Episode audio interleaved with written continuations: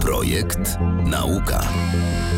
Zaprasza Leszek Mordarski. Naszym gościem jest profesor Konrad Szustakiewicz z Katedry Inżynierii i Technologii Polimerów na Wydziale Chemicznym Politechniki Wrocławskiej.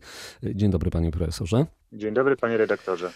Panie profesorze, jest pan liderem projektu, którego celem jest zaprojektowanie materiału, który ma zachowywać się jak kość, mieć zbliżone właściwości biologiczne i przeciwzapalne, do tego być elastycznym i wytrzymałym. Zespół liczy 40 osób, czyli poważne przedsięwzięcie. No tak, zgadza się. Przy czym też kilka rzeczy chciałem tutaj wyjaśnić. To jest projekt, który jest finansowany przez Fundację na Rzecz Nauki Polskiej. To się zgadza. W ramach konkursu TeamNet.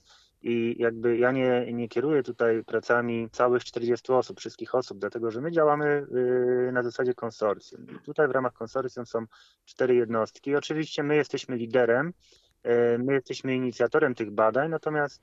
Jak to w nauce jednostki są niezależne troszkę od siebie. No tak, są niezależne. Natomiast współpracujemy oczywiście.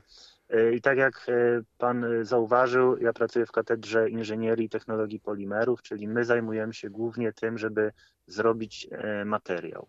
Jeśli zaś chodzi o drugą część, to znaczy my właściwie chcemy trochę zmusić organizm, ponieważ to przedsięwzięcie jest dosyć złożone i trudne, wymaga pewnej wiedzy interdyscyplinarnej.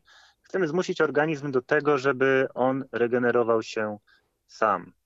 To znaczy wykorzystać potencjał naturalny i trochę przyspieszyć proces gojenia się właśnie takich ran, a konkretnie tutaj chodzi o ubytki kostne. Mówiąc obrazowo, chcą Państwo stworzyć rusztowanie, na którym organizm sam zabuduje sobie ubytki kości.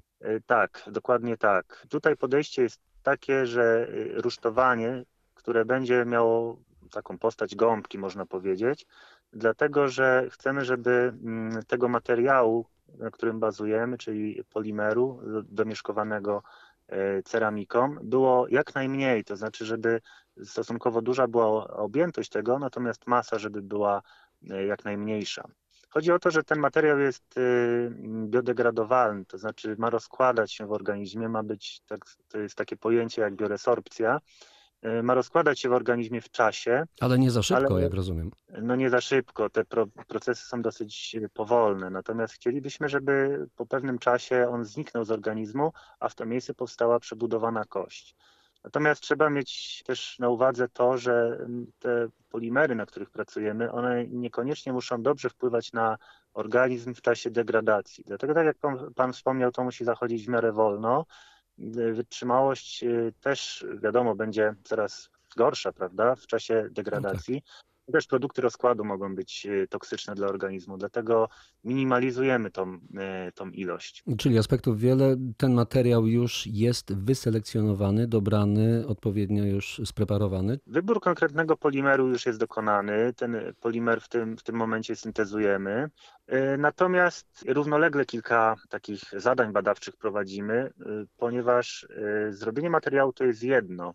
Druga rzecz to jest przebadanie go wstępnie na liniach komórkowych, między innymi na fibroblastach czy osteoblastach. Na końcu chcielibyśmy również dokonać szczepu.